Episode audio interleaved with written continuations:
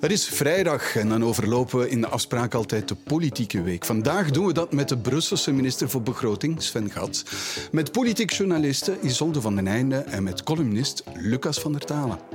Welkom bij de afspraak op vrijdag.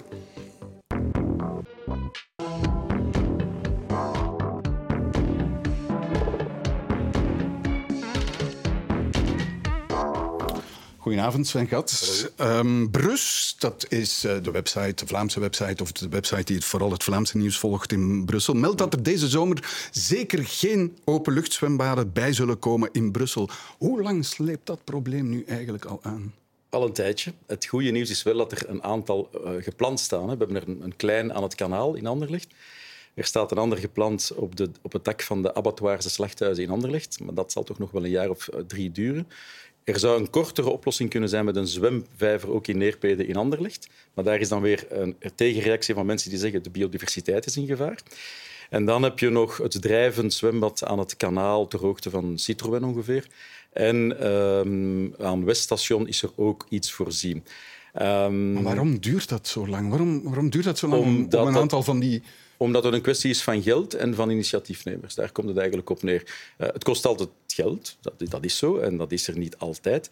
Um, en je moet ook iemand hebben die dat um, goed kan en wil uitbaten. Ja. En, en, dat is niet altijd makkelijk. Maar goed, ik begrijp dat er daar ongenoegen over ontstaat in, in Vlaanderen, maar wij werken wel een aantal oplossingen. Anderzijds vind ik ook, niemand uh, als, is als Brusselaar verplicht om in de zomer in zijn stad te blijven. Hè. Wij ontvangen elke dag met de glimlach uh, honderdduizenden pendelaars met de auto dat kan, dat is geen enkel probleem. Dan mogen ze van bij ons ook wel eens ergens anders gaan zwemmen. Hè. Ze moeten wel hun manieren houden. Daar ben ik het over Ja, want de suggestie of, of de link die u nu maakt is geen recreatiegebieden in het Brusselse of mogelijkheden in het Brusselse. Jongeren naar Vlaanderen en daar amok gaan maken. Want dat is de ja, link dat is een die probleem. gemaakt Dat wordt. is een probleem. En natuurlijk, dat is maar een beperkt deel van de jongeren. Hè, maar die geven dan wel weer een uh, slecht imago aan al de rest. Um, en, en, dat is een heel moeilijke zaak om op te lossen. En, en daar, uh, daar, ben ik ook enorm over gefrustreerd. Dat, dat besef ik wel. Maar tegelijkertijd, het feit dat ze naar de zee mogen of naar de Blaarmeersen, en als ze zich daar gewoon gedragen zoals iedereen, geen probleem. Alleen is er telkens een kleine groep die vindt dat dat uh, blijkbaar niet kan. En daar kan ik dan ook weer niet bij. Maar goed. Oké. Okay. Goedenavond, Lucas van der Talen. Ja. Ook Brusselaar. Ja. Wat denkt u dan als u dit hoort? Dit Maar duurt al vooral- twintig jaar. Ja, maar ik vind vooral dat er in Brussel een schrijnend gebrek is aan aandacht voor eh, kinderen. Als ik als vader of als grootvader eh, met de kinderen ergens naartoe ga, dan zie ik het ontstellend gebrek bijvoorbeeld aan gewone speelpleintjes. Als ik in Spanje ben, in Spaanse steden, heb je ongeveer om de 200 meter heb je een, een speelplein. Ik vind dat Brussel leidt aan een gebrek aan verbeelding. Je zou kunnen doen zoals in Valencia bijvoorbeeld, waar men in het centrum van de stad een, rivier heeft drooggelegd en daar een groot park gemaakt heeft. Dat is iets wat men zou kunnen doen uh, op, de, op de boulevards van het uh, centrum bij het uh, Zuidstation. Ik denk, dat, ik denk dat wij een... toch eerst de metro gaan proberen Ja, te bouwen, hoor. dat- met alle respect. Er is daar nu toch al een werf, men kan even goed voordoen. Maar in Brussel heeft men meer aandacht voor het creëren van, van een parking langs het Zuidstation dan te denken Ja. aan die Oké, en dan zeg je Brussel stad of Brussel gewest. Wie heeft er gebrek aan verbeelding? Beide. Dat is schrijnend. De, de, de gemeenten zijn te klein. Het gaat soms over gebieden zoals rond het Zuidstation, die op drie verschillende gemeenten liggen, die zelf zeggen, ja, maar wij hebben de mogelijkheden er niet, er niet van.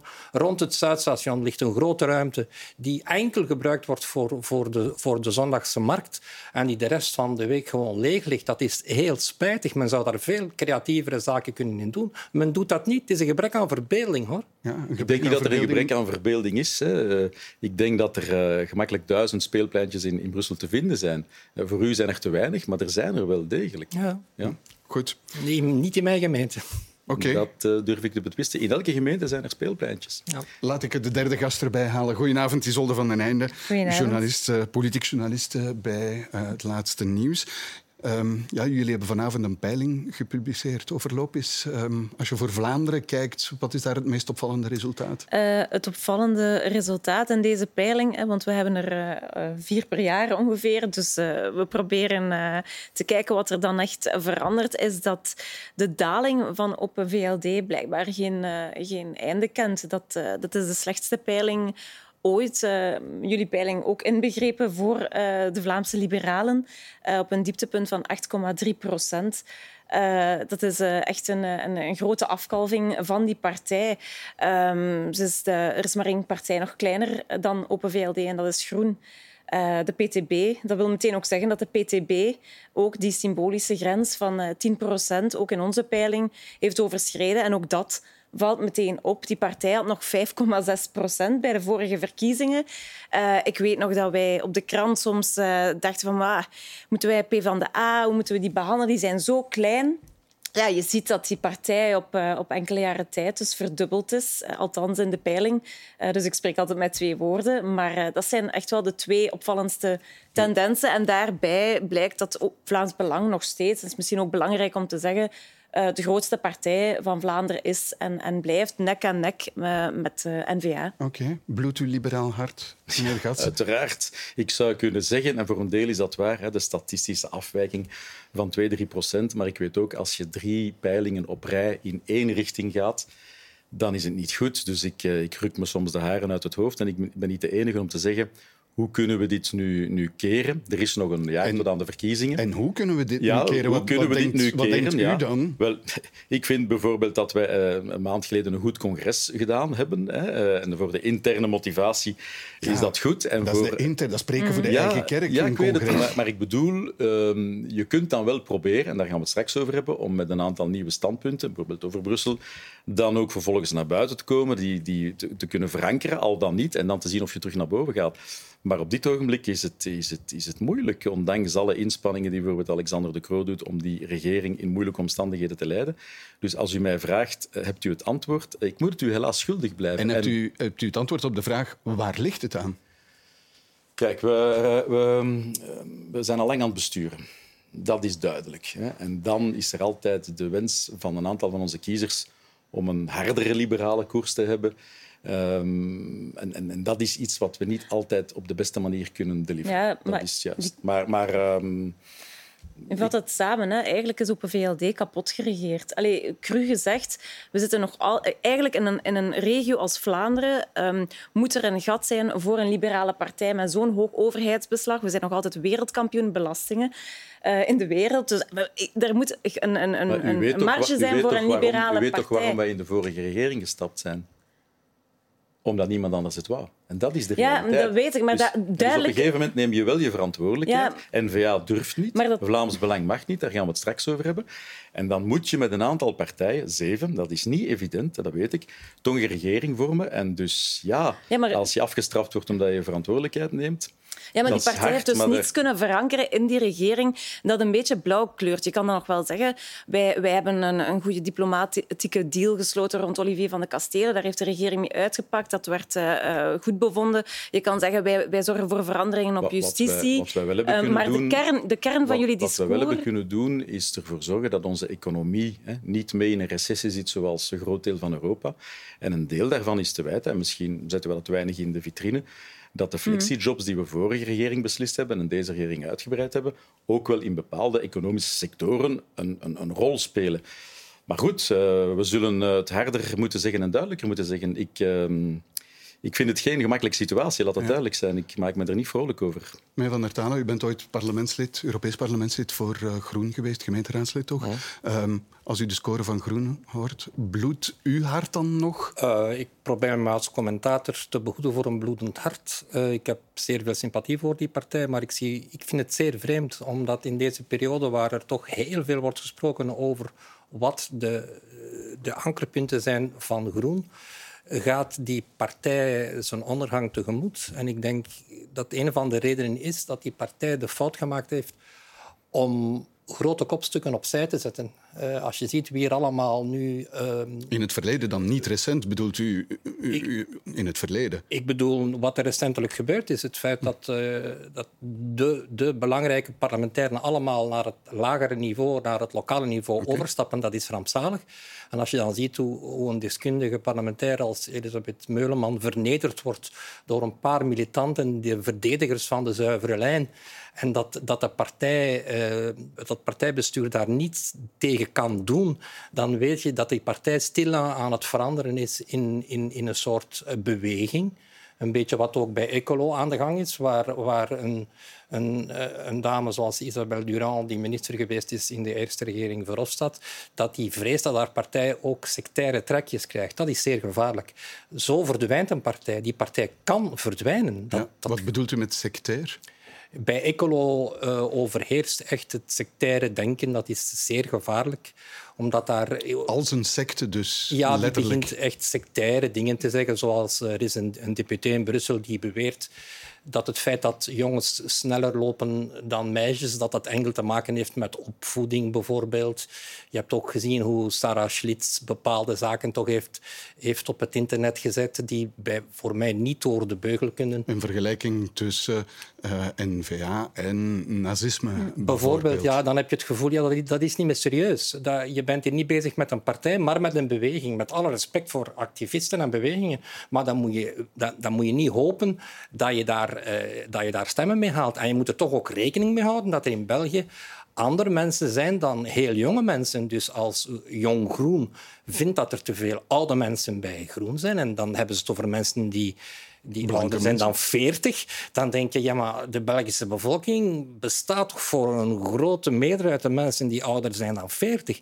En die stoot je nu geweldig voor het hoofd door serieuze mensen zoals Björn Joska of, of Elisabeth Meuleman of, of Calvo, dat je die laat weggaan. Dat is, dat is, een, dat is echt een, een, een vreemd fenomeen, hoor. Het is een bijna een historische flater. Oké, goed. Laten we eens naar een uh, eerste thema uit de actualiteit gaan. Waar is in de zaak Sandadia blijft natuurlijk voor ophef zorgen. En bij de politieke reacties liever heb je twee tendensen. Er zijn politici die de straffen licht, te licht vinden en die dat ook hardop zeggen. En dan zijn er politici die net zulke uitspraken een aanfluiting vinden van de rechtsstaat.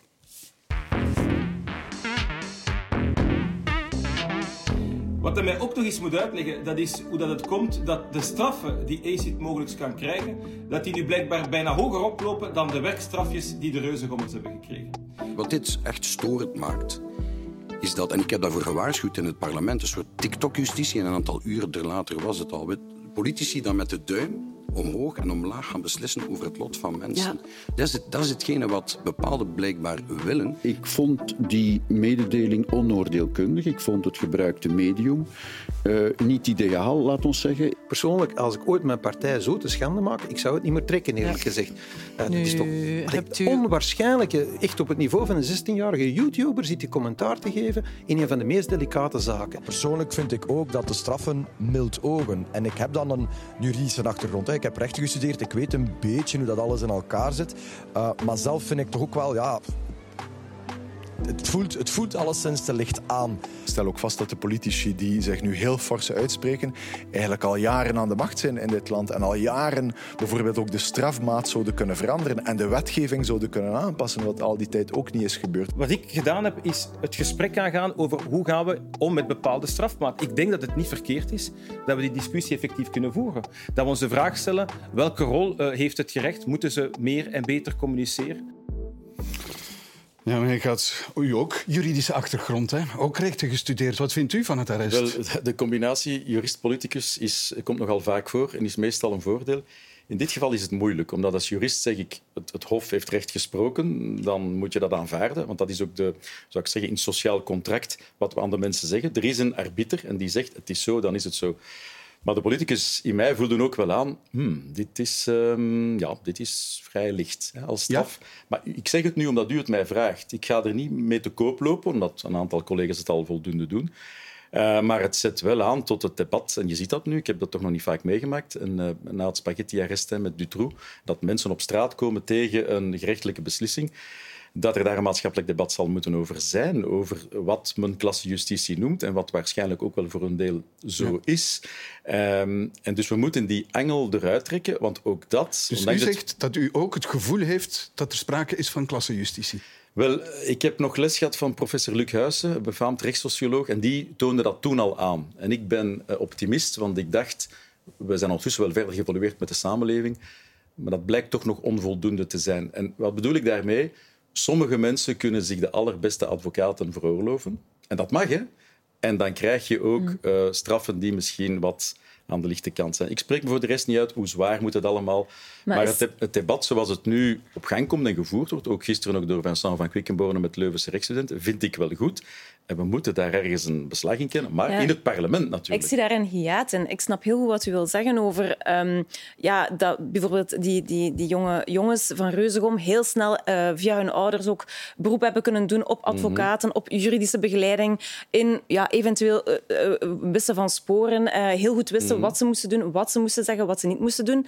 Het is nu ook wel niet zo dat ehm, de, de nabestaanden van Sandadia geen goede advocaat hebben. Ik denk niet dat Sven waar, Marie dat te Dat boek klopt. staat Nee, nee, dat klopt. als een, eh, als een eh, ja, klopt. arme strafpleiter in dit land. Ja. Dat is een van de grootste namen. Ja. Dus ja, op dat niveau eh, is dat wel niet meer gebeurd. En ehm, ja, Maar het onderzoek wijst wel uit van meneer Huis, en het is nog altijd eh, actueel, en van meneer Bijens nu eh, van de VUB, of van mevrouw Bijens, ik weet het niet, professor in elk geval, dat de culturele achtergrond en de strafmaat sterker verbonden zijn dan wij denken. Ja. Wij denken allemaal dat we zonder bias eh, zijn, maar we zijn dat niet. En rechters doen uitstekend hun werk, maar zijn ook maar mensen. En ik, ik, vind, het, ik vind het moeilijk.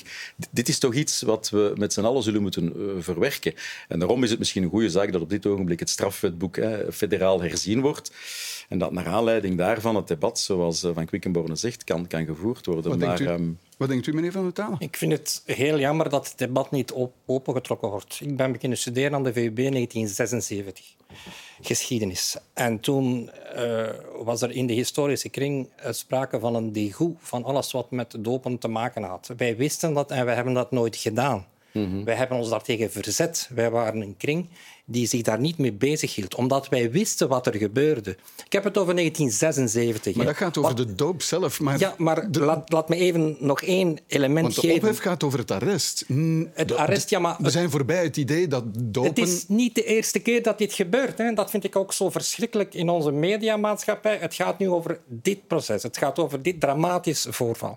Maar ik heb eens gewoon gegoogeld wat er gebeurd is in Dopen. Nou moet je natuurlijk de inspanning doen van Franstalige kranten te lezen. Vorig jaar is er een student gestorven in Namen.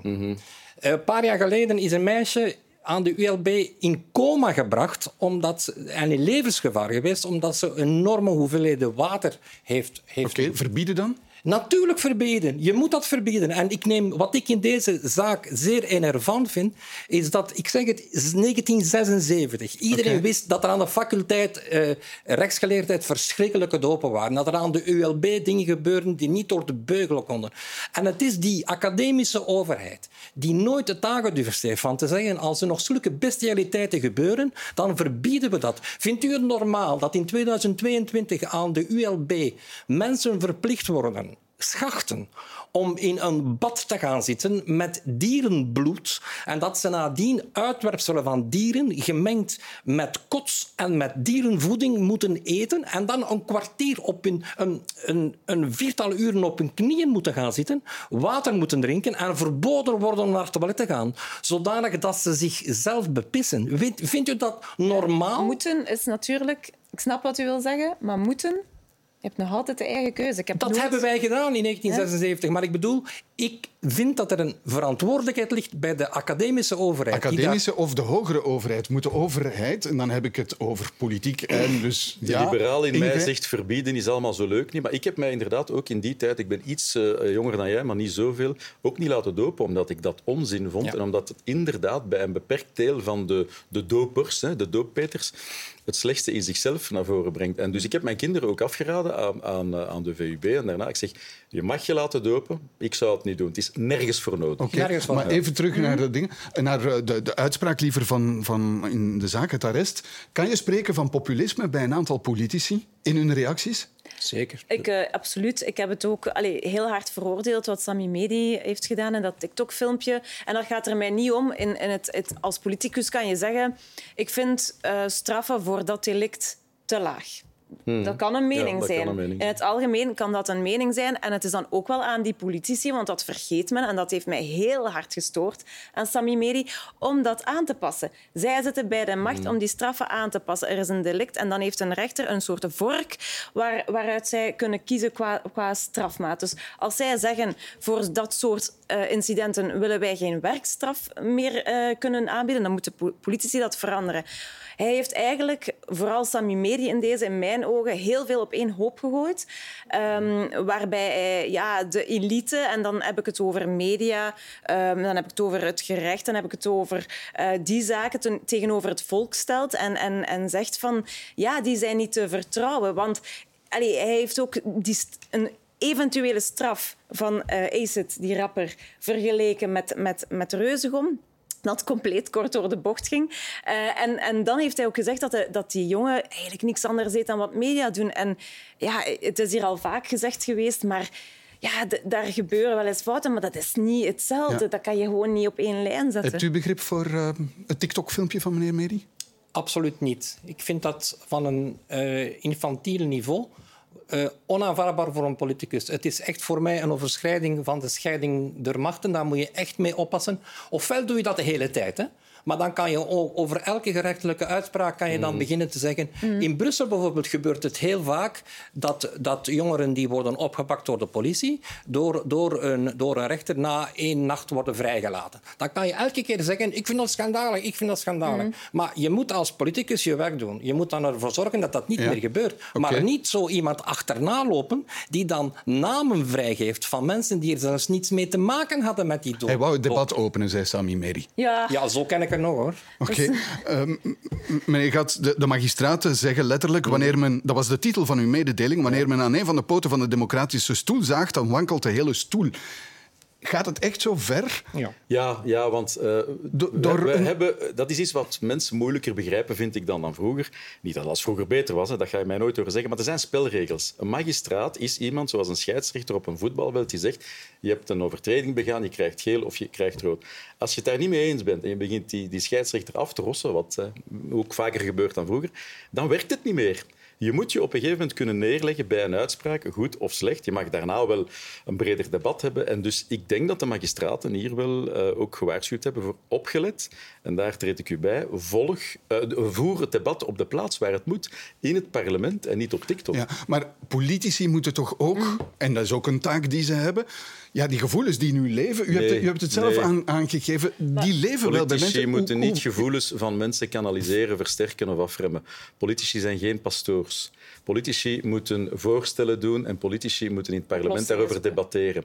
Ja, en, dus en als je, dat, je mag je toch gebruik maken van die gevoelens om dat debat te voeden? Als je daarmee gevoelens kan kanaliseren, is dat goed. Maar de mensen hebben al genoeg gevoelens. Wij ook trouwens. Die moeten niet nog eens opgepookt worden. Dat is maar ergens voor nodig. Je kan dat toch doen in het parlement? Ja. Je kan toch, het parlement dient toch daarvoor om een debat te hebben met alle andere partijen Maar ga je daarmee bijvoorbeeld het gevoel dat bij sommigen leeft van klassenjustitie, ga je dat daarmee wegnemen met een debat? van klassenjustitie ja, ik... u, u, er zijn mensen die vinden dat de doodstraf moet ingevoerd worden. En als je, daar, als je nog een beetje dit debat opdrijft, ga je zo ver komen dat die reuzengommers ja. moeten onthoofd worden op de grote markt van Brussel. Dit, is niet, dit gevoel is er ook niet gekomen na de zaak Sandadia. In, in heel de samenleving was er al heel lang. En je hebt daar twee stromingen in. En in die stroming zet ik dan een beetje Sami Medi. Je hebt een deel van de bevolking die vindt dat zij um, onrechtvaardig worden behandeld omdat ze bijvoorbeeld sneller dan uh, andere burgers worden uh, gearresteerd of, of opgepakt. En ik denk dat Sami Medi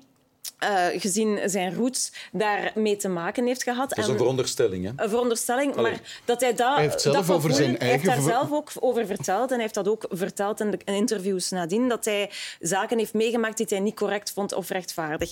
Je hebt dan ook mensen in de samenleving, een soort andere uh, groep, die vindt dat er net te weinig straffen zijn, dat er te, te, te, te laat wordt gestraft, dat het te lang duurt vooraleer recht wordt gesproken en dat het niet, niet stevig genoeg is. En ja, dat, dat circuleert overal in de bevolking, loopt door elkaar. En, en, en dat is niet links of dat is niet rechts, dat Oké, loopt echt door en elkaar. Dan blijft En dan- mijn vraag, wat is de rol van politici daarin? Is dat dan alleen dat debat in het Ja, parlement? nee, Ja. Niet, niet alleen het debat in het Nee. parlement, want dan is dat precies zo weer. Men stelt een vraag aan een minister en het Ja, is, ja, ik vind nee, dat ook niet We eigenlijk. moeten een dossier samenstellen. Als pa- parlementsleden zouden hierin, of dat Vincent van Quickenborde nu een goed strafwetboek heeft of niet, kunnen eh, amendementen aanbrengen en voorstellen om te zeggen... Maar, maar Ja, dat, maar- dat is het, dat is het parlementaire Dan- dan werk. dan heb dat je is de- het ambacht. Dan heb je de twee af. Welke richting nemen? Je hebt mensen die zeggen Ja. het moet strenger en Ja, je hebt andere mensen ja, die het zeggen... parlement, Het parlement werkt altijd met een meerderheid tegen een oppositie of een meerderheid in een vind- parlement. dat is normaal. Dat, dat- laat dat maar gebeuren. Ik ben, ik ben het niet eens dat enkel het debat in het parlement moet gebeuren. Totaal niet. Een maatschappelijk debat ontvouwt zich op allerlei fronten. Dat gebeurt eh, via eh, klassieke media, dat gebeurt op sociale media.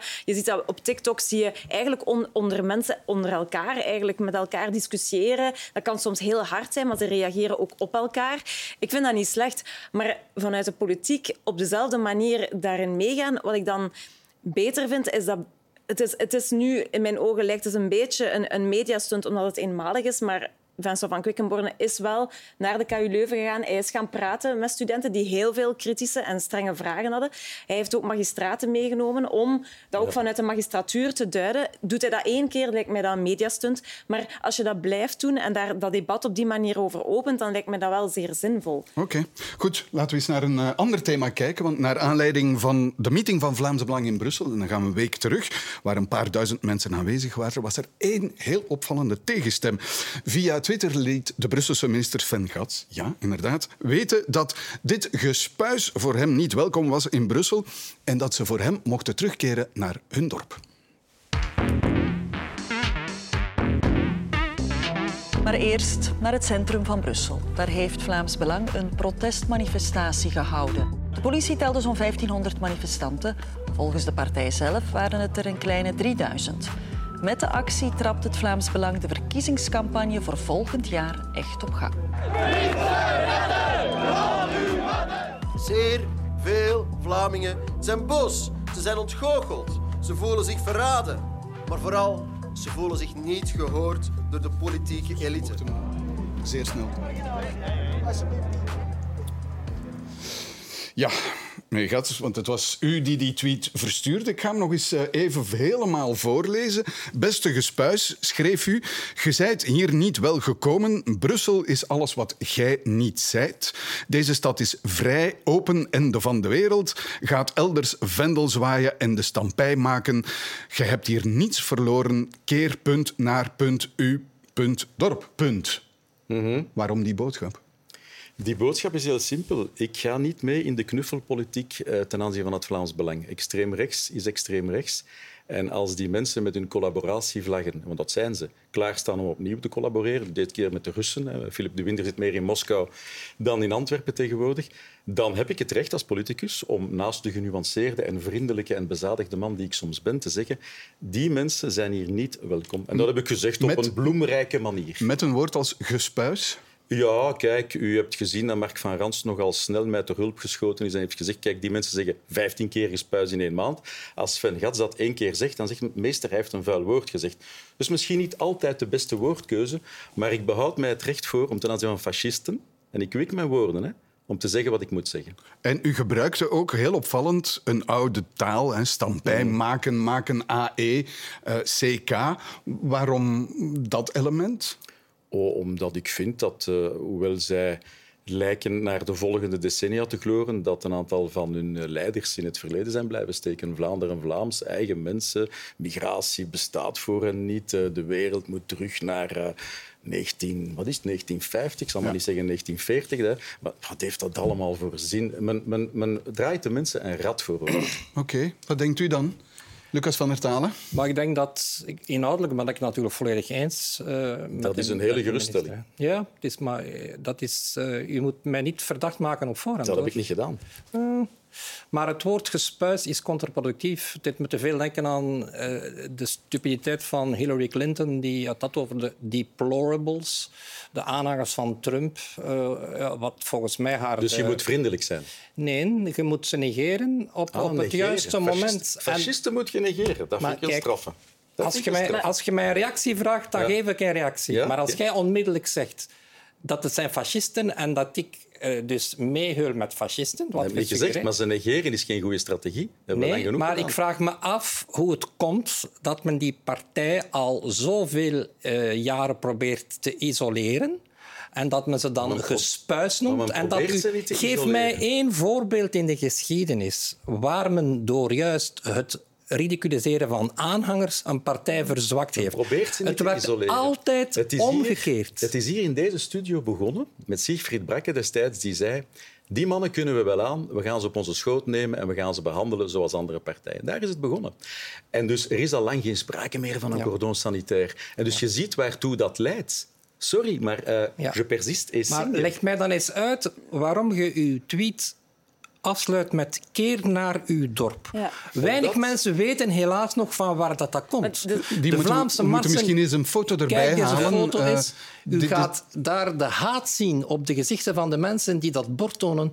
Dat zijn Brusselse Franskions. En daar staat ook keer naar uw dorp. Hè? Staat er letterlijk. Ja, maar je kent mijn klassiekers hoor. De mensen die destijds kwamen betogen, de Vlamingen, hè, dat waren de Vlamingen. En zij hadden gelijk om hun taalrechten toen op te eisen. Maar de mensen die 1500 mensen op de Kunstberg, dat zijn niet de Vlamingen. Dat is een deel van de Vlamingen dat de democratie kapot wil. En dan mag ik de zaken al eens scherp stellen en ik doe dat, dat met is plezier.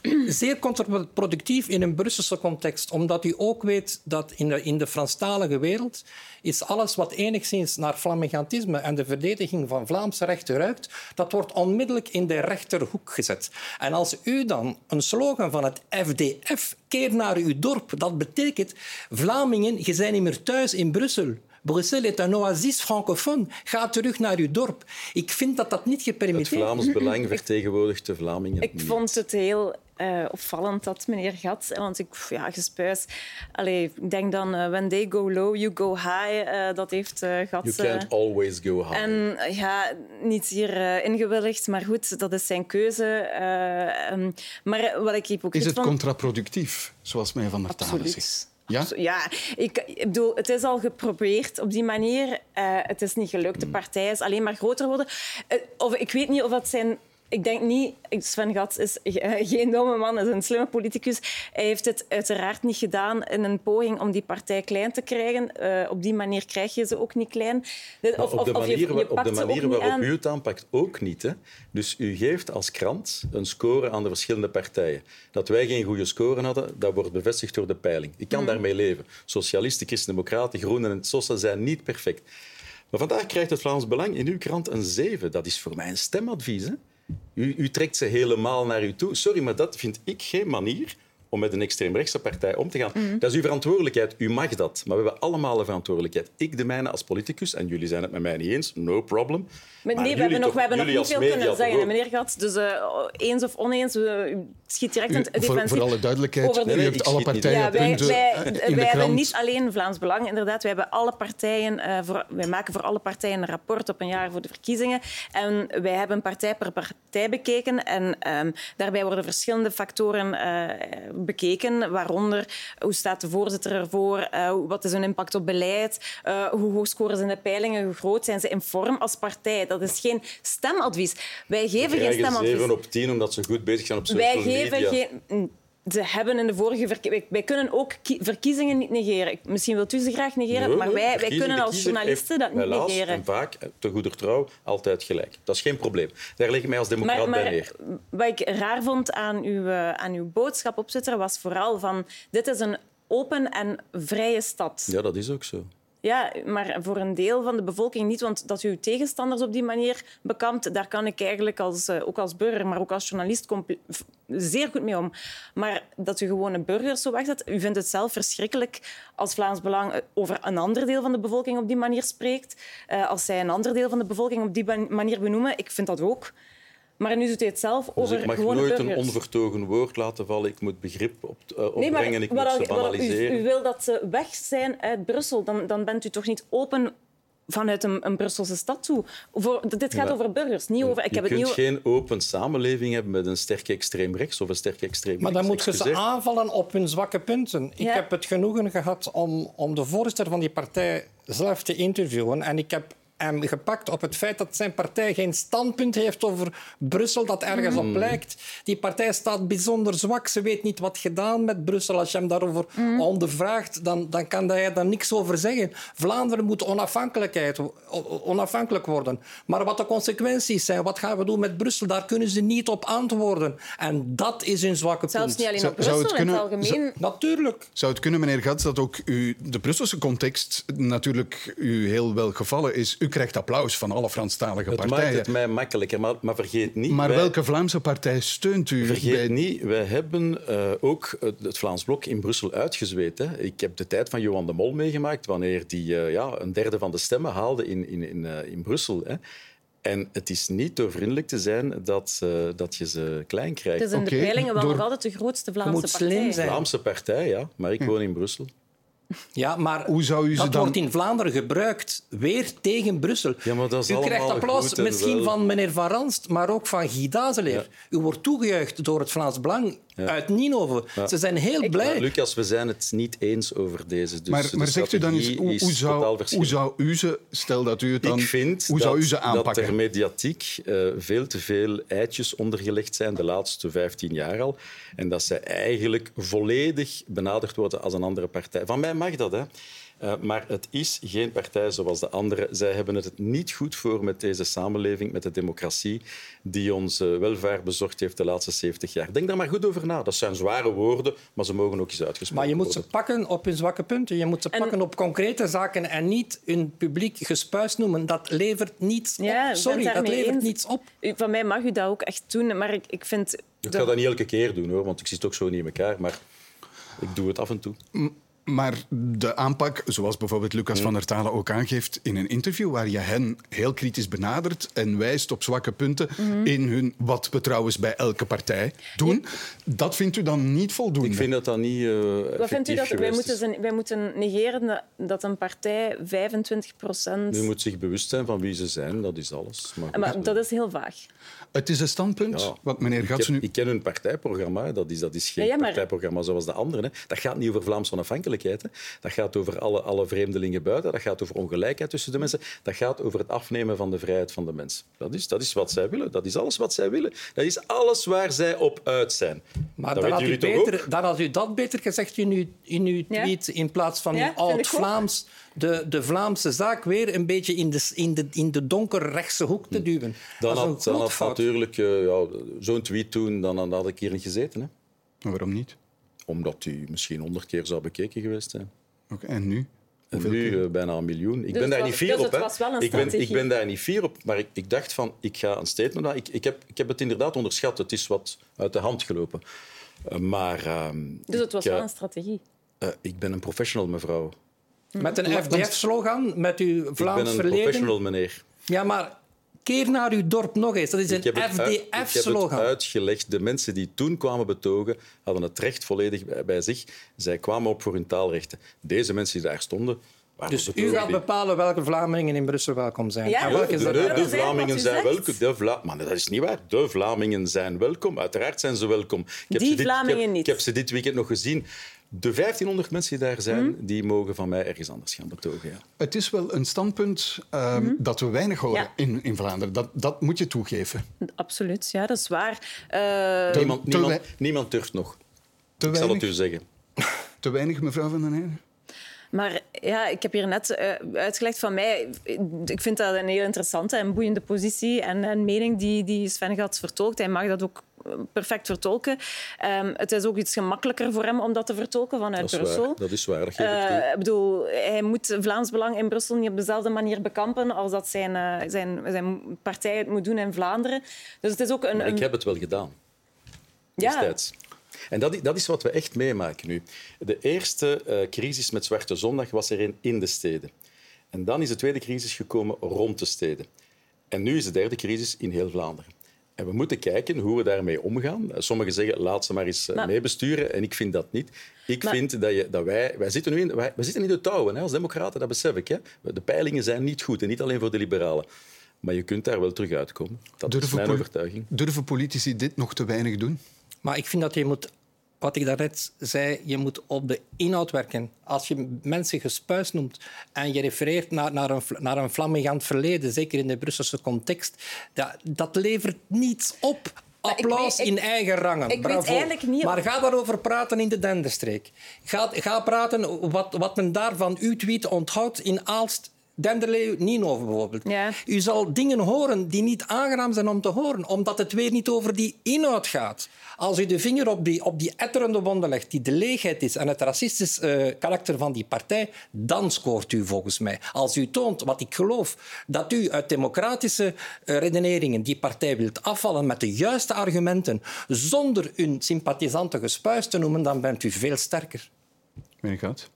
Ik ben het daarmee niet eens, dat is niet voldoende. Ik, maar ik, we, we kunnen hier nog Ja, een ja, nee, nee, discussiëren. ja, Dank u voor de goede raad. Mijn vader was van Gerardsbergen uit de Denderstreek. Het is misschien tijd dat ik daar nog eens een mattetaart ga eten. Ik zou het je aanraden. Voilà. Oké, goed. Laten we dan eens kijken eh, naar eh, uw partij en uzelf. Want u hebt een aantal voorstellen gelanceerd om het eh, Brusselse gewest, naar uw eigen woorden, een nieuwe en frisse aanblik te geven. Zo willen de Brusselse liberalen het aantal Brusselse parlementsleden verminderen, gemengde taallijst toestaan. Bij verkiezingen is dat. En het Engels als taal aan het loket, als officiële taal introduceren.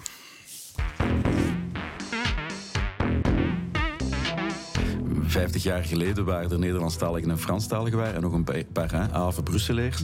Maar nu is dat een zeer cosmopolitische stad met een meerderheid van mensen die niet eh, in België en niet in Brussel geboren is. Dus dan moet je die structuur toch wel een beetje moderniseren. Ik stel vast dat eh, minister Gats eerst de Vlaamse manifestanten in Brussel uits- uitscheldt voor fascisten. En nu wil hij ook nog eens het Engels officieel als derde taal invoeren aan loketten en administraties. Dit terwijl Vlamingen al jarenlang vaak niet in hun eigen taal terecht kunnen aan Brusselse loketten of in Brusselse ziekenhuizen. Helaas bleef het niet bij dit ene belachelijke voorstel. De heer Hats lanceerde ook voorstellen met betrekking tot het efficiënter maken eh, van eh, Brussel. En de oplossing hiervoor was minder Vlaanderen wel, niet met ons. Nederlands is cruciaal, staat centraal in Vlaanderen om aan, laat ik zeggen, één gemeenschap in, in al zijn diversiteit te werken, om mensen met elkaar in contact te brengen. We hebben daar een heel helder beleid in en we wijken daar niet van af. Evident, Brussel, Brussels of Stedelijke West is een andere realiteit.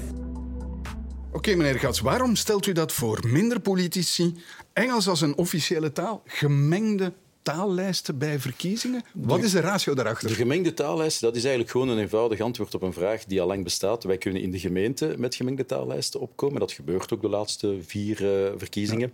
Eh, we kunnen dat ook nu eh, voor een Kamerlijst. Hè. Dat zal waarschijnlijk gebeuren. De Groenen hebben de weg gewezen samen met Ecolo, dus andere partijen gaan dat ook doen. U bedoelt Maar- ook Open VLD gaat zo'n gemengde lijst met verwacht, de MR? Dat verwacht ik wel. Maar we mogen het niet in het gewestelijk parlement.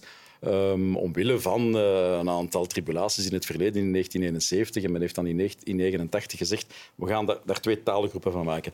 Ik zeg niet dat die taalgroepen volledig moeten ehm, oplossen. Die, die, die bestaan. Die, die kunnen ook de link maken met Wallonië en met Vlaanderen. Maar ik zou toch wel pleiten voor uh, taalgemengde lijsten. Dat is wat de Brusselaars vragen. En verder, ja, we zitten wel met veel parlementsleden. Hè. Ik ben nog begonnen met 75. Dan is het naar 89 gegaan om, om ons ook een gewaarborgde vertegenwoordiging te geven. Ik denk dat die gewaarborgde vertegenwoordiging nu wel, hè, dus het aantal Vlamingen dat vastblijft in het parlement, het aantal Nederlandstalige Brusselaars, dat dat wel, um, zou ik zeggen, doorgedrongen is. Wij kunnen nu met een kleiner parlement het ook wel doen. En dus 50 mensen in plaats van 89 is voor mij een, een, een, meer dan een openingsset. Oké, het Engels doen we, uh, ja. behandelen we zo meteen. Gemengde taallijsten bij, bij verkiezingen. Ja, ik denk dat het op korte termijn uh, noodzakelijk is in uh, Brussel. Ik, okay. ben, ik, ben daar, ik ben daar ook voor. Alleen moet je natuurlijk wel oppassen. Uh, wat ik een beetje jammer vind in de communicatie van de minister is dat hij het heeft over dat er een soort communautaire pacificatie is in uh, Dat is toch zo? Dat is niet zo. De taalwetten worden in Brussel nog steeds niet gerespecteerd. Niet als... helemaal en niet altijd. Daar niet ben ik altijd. met u eens. Uh, ga maar eens naar een hospitaal in Brussel. Kom maar eens in contact met een politieagent in uh, Brussel.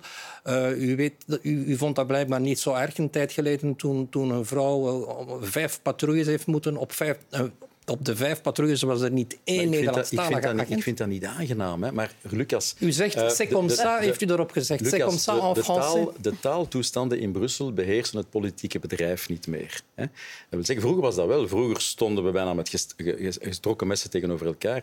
Vandaag gaan de grote debatten over andere dingen. Veiligheid, veiligheid, eh, eh, zwembaden en dergelijke meer. Maar u, Ik zeg u niet dat dat ontneemt weg de. Vlamingen Maar- ook instrumenten om nog eh, ja, iets te kunnen... Maar ik ontneem niemand niets. Waar, waar, waar haalt u dat vandaan, vanuit mijn voorstellen? Oh, bijvoorbeeld, u pleit ook voor het eh, ja, afschaffen, zal ik maar zeggen, van de gemeenschappen. Nee. Eh, dus die hele structuren. Je moet dat laten Dat inkantelen. gevaarlijk. Je moet dat, laten inkantelen volgens mij in het Brussels parlement. Maar er bestaan nog altijd in ons voorstel tien Nederlandstalige verkozenen en drie ministers. Hè. En die beheren wel nog altijd een pakket, dat dan VGC genoemd kan worden. VGC de Vlaamse Gemeenschapscommissie. Maar moet daar, Dat- echt, moet daar echt een aparte raad, met een apart college, met een aparte griffie, met een aparte voorzitter zijn? Ik denk dat niet. Ik denk dat de politieke vertegenwoordiging van die mensen binnen een Brusselse samenwerking, wat we nu toch al een aantal decennia doen, ook kan werken. Is daarmee alles opgelost? Dat, dat zeg ik niet. Hè. Ik, ik, er blijven wrijvingspunten. En ik kan hier eh, straks mijn enkel verstuiken naar een ziekenhuis gaan en het aan mijn rekker hebben, zoals gezegd. En ik vind dat niet aangenaam. Maar het is niet meer het enige punt in de Brusselse politiek. Er zijn andere dingen. Maar het wordt wat ik nooit jammer, wat ik, ja, ik, vind, ik vind dat meneer Gats eigenlijk... eh, ik, ik apprecieerde zijn voorzet eigenlijk voor een eh, institutionele vereenvoudiging van Brussel. We hebben het er heel vaak over. En ja, ik vond het ook jammer dat dat in eerste instantie meteen van tafel werd, werd geveegd. Dat kan gebeuren. Hè. Eh, maar, Dus vooral door nationalistische partijen, in dit geval de N-VA, eigenlijk meteen Ja, ik, ik vond, we zitten met zoveel problemen wat ik minder begreep. En pas op, Mhm. voor mij een, eh, een apart gebouw en aparte vergaderingen voor die commissies. Eh, ik denk dat je dat veel efficiënter en eh, eenvoudiger en, en, en beter kan inbedden. Goedkoper kan inbedden. Dus ik, ik vind Mhm. dat een, een, zeker een debat waard. Maar ik denk niet dat dat vandaag in, eh, in het- de bestuurlijke chaos die Brussel is, het grootste issue is. En ik vond Mhm. dat daar nogal van, vanuit u als Vlaming Ja. Ehm, vind ik dat u heel hard dan de, de focus daarop legt. En, en ik begrijp dan niet altijd goed waarom eh, ja, je al die andere problemen hebt. Je zit zelfs met een paar zeer ondemocratische processen, vind ik, in Brussel. Bijvoorbeeld die conferentie van de burgemeesters, waar eh, ja, beslissingen worden genomen in eigenlijk een achterkamer waar geen controle op kan zijn. Je zit met ja, eigenlijk een parlement waar dat bijna volledig bestaat. Hoe kan het ook anders? Uit heel wat gemeenteraadsleden die nooit dingen zullen tegenspreken wat in de gemeente gebeurt. Mhm. Dus je, je zit eigenlijk We- met we een hebben heel voorstel grote... gedaan om daar, om daar een soort spanning op te heffen. Hè. En dat is eigenlijk niet in de pers gekomen, dat is symbolisch. Wij zouden willen dat de gemeenteraadsverkiezingen en de gewestraadsverkiezingen in Brussel op dezelfde dag vallen om de vijf jaar. Dat is misschien nog het enige wat we zouden kunnen in- invoeren met onze constitutieve autonomie, zonder de twee derde wijziging in, de, in van de Brusselwet in het wat, federaal is het, wat parlement. zou het voordeel hebben. daarvan zijn? Het voordeel daarvan zou zijn dat je de gemeenten en het gewest dichter bij elkaar Kan brengt. je gewoon niet fusioneren? Zou dat niet veel simpeler zijn? Ik denk dat... Meneer Gats heeft het voorgesteld. Het is jammer genoeg ook weinig in de media geweest, maar u heeft voorgesteld dat kleinere gemeenten zouden Ja, ja, zouden samenwerken. gestimuleerd worden tot 100.000 als schaal. Ja, Kijk, ik, vind dat een, ik vind dat ook een heel slecht idee. Waarom? Maar de Franstaligen zijn er natuurlijk tegen. Hè? Maar waarom Ja, ja, dat kunnen we de Ja, het- niet hervormen Ja. tot districten? plus- Niet fusioneren. Voilà. Slecht Helemaal idee. eens. Je moet dicht bij de burger blijven. Het is het eeuwige argument van de Franstaligen. La proximité, de nabijheid. Je behoudt die gemeente, maar je neemt dat Antwerps model Maar- over of dat Parijse Een- model. een- maar waarom vechten de Vlamingen daar niet Een Franstalige politica heeft mij, uit Brussel heeft mij verteld... Als je het gewest versterkt, dan, dan ontneem je de macht uit de, uit de gemeente. Niet alleen dat, maar in dat gewest is ook een pariteit voor Vlamingen Ja, voorzien. daar zijn ze bang voor. En daar zijn, en dat was een Franstalige Brusselse politica die mij dat gezegd heeft. En, en daar is heel wat tegenstand tegen. Ja, maar tegelijkertijd, dat is ook mijn punt, die pariteit in de Brusselse instellingen is inmiddels ook wel aanvaard, verteerd door de Franstaligen. Ook die 80-20 financiële verhouding, die ligt hoger dan ons, Mhm. eh, ons soortgelijk gewicht. Hè. Er, er zijn drie metingen die men kan doen. Hè. Men kan zeggen, er zijn maar 5% Vlamingen in Brussel en er zijn 8% fiscale aangiften. En dan zijn er eh, 17% mensen die voor ons stemmen, dus dat is toch al iets beter. Maar er zit ongeveer 25% kinderen in het Nederlandstalig onderwijs. En dus wij zitten daarin. Maar die dingen zijn wel aanvaard. Men gaat natuurlijk als Franstalige zeggen, als we die pariteit zouden kunnen afbouwen, gaan we dat doen. Maar men, is het eigenlijk, men, men heeft dat aanvaard, dat werkt goed. En dat bedoel ik met dat, deel van de pacificatie tussen de gemeenschappen is wel gelukt. Maar Ja, de en gemeenten pacifi- kunnen nog altijd het gewest blokkeren. Blokkeren. Ukkel, Ukkel heeft nu gezegd, ja, we gaan niet mee met Good Move. Anderlecht heeft het Ja. gedaan. Molenbeek heeft het gedaan. is, is wel een groot woord. Maar Finaal- waarom kan men dat systeem niet veranderen, zoals een Ja, maar- Parijs-systeem? Ja, maar dat is voor mij ook goed. Alleen, eh, ik kies mijn, eh, zou ik zeggen, mijn aanvalspunten in een globaal Maar u maakt plan. zes Hè? sterke ik- gemeenten. ja, maar dat, dat, daar straks had je het over inhoud, hè, eh, Ja, met de ja. Vlaams Blokstrategie. Dit gaat over inhoud en strategie. Je kiest je punten waar je hervorming kan doen, dat zijn de mijne. En ik weet, als ik de kar overlaat, dan komt er helemaal niks van. En dus dat is een afweging Maar- die maar ik ik maak. Maar we- vroeg of laat moeten we wel komen tot het absolute zwaartepunt bij het gewest. Um, ik Kloos, burgemeester van Ja? Brussel, was relatief positief over eh, uw voorstellen. Er is ook een hele context dat men in Franstalige of aan Franstalige kant aan het denken is aan die grote hervorming. Ik heb dat u- vernomen. passen uw voorstellen daarin? Bent u daarbij betrokken? Eh, nee, nog niet. Hè. Dus ik vond het wel eh, leuk om te horen van hè, men gaat ons daarbij betrekken. Zie daar de Brusselse Hè? context. Voilà. Ja. Ja, maar, Allee, ik bedoel, maar dat communautaire speelt toch mijn, nog? Mevrouw, dat is mijn realiteit. Ik, ik, ben, ja, maar ik, ik ben Brusselaar, ik, ben, ah, ik woon daar een halve eeuw. Dus- En ik doe wat ik doe om daar tussen de linies te leven, te overleven en mijn positie te versterken. En ik weet wat ik dat moet doen. Ik, veel goede raad uit Vlaanderen is er daarbij niet te vinden. Want dan is het altijd simpel. Hè? Maar wij zijn, zelfs al zijn we met eh, een stad als Bruggen of Leuven eh, als demografisch gewicht in die stad, ja, dat is op 1,2 miljoen inwoners. Er is ook zoiets als de macht van het getal. Hè? En, en dan is het eh, belangrijk om te kunnen weten hoe je van het ene punt naar het andere gaat. Als je constant tevoren hamer, hamer uithaalt, bovenhaalt, Ja. gaat er niet veel gebeuren. En dus, Maar- ja, en dus, ja, passen uw voorstellen in dat geheel van dat pacificatie? Dat wil ik nog dat wel je- zien. Ja, pacificatie is belangrijk, want dan kun je toch dingen realiseren ook. Niet alles, Lucas, daar ben ik het mee eens, maar wel veel. En dus ja, we gaan nu zien... Eerlijk gezegd, iedereen is zijn agenda aan het voorbereiden. Dat mag ook. Maar eh, heb je gaat, wel, ja, je gaat wel nog in het parlement een grote meerderheid moeten vinden, federaal. Meneer, meneer Van der Talen, ehm, Brusselse, Vlaamse Brusselaars willen geen Brusselse Vlamingen meer zijn. Is het dat niet? Nee, ik denk dat, dat dat gemengd is en dat dat een discussie is over het geslacht van de Brusselse engelen. Ja.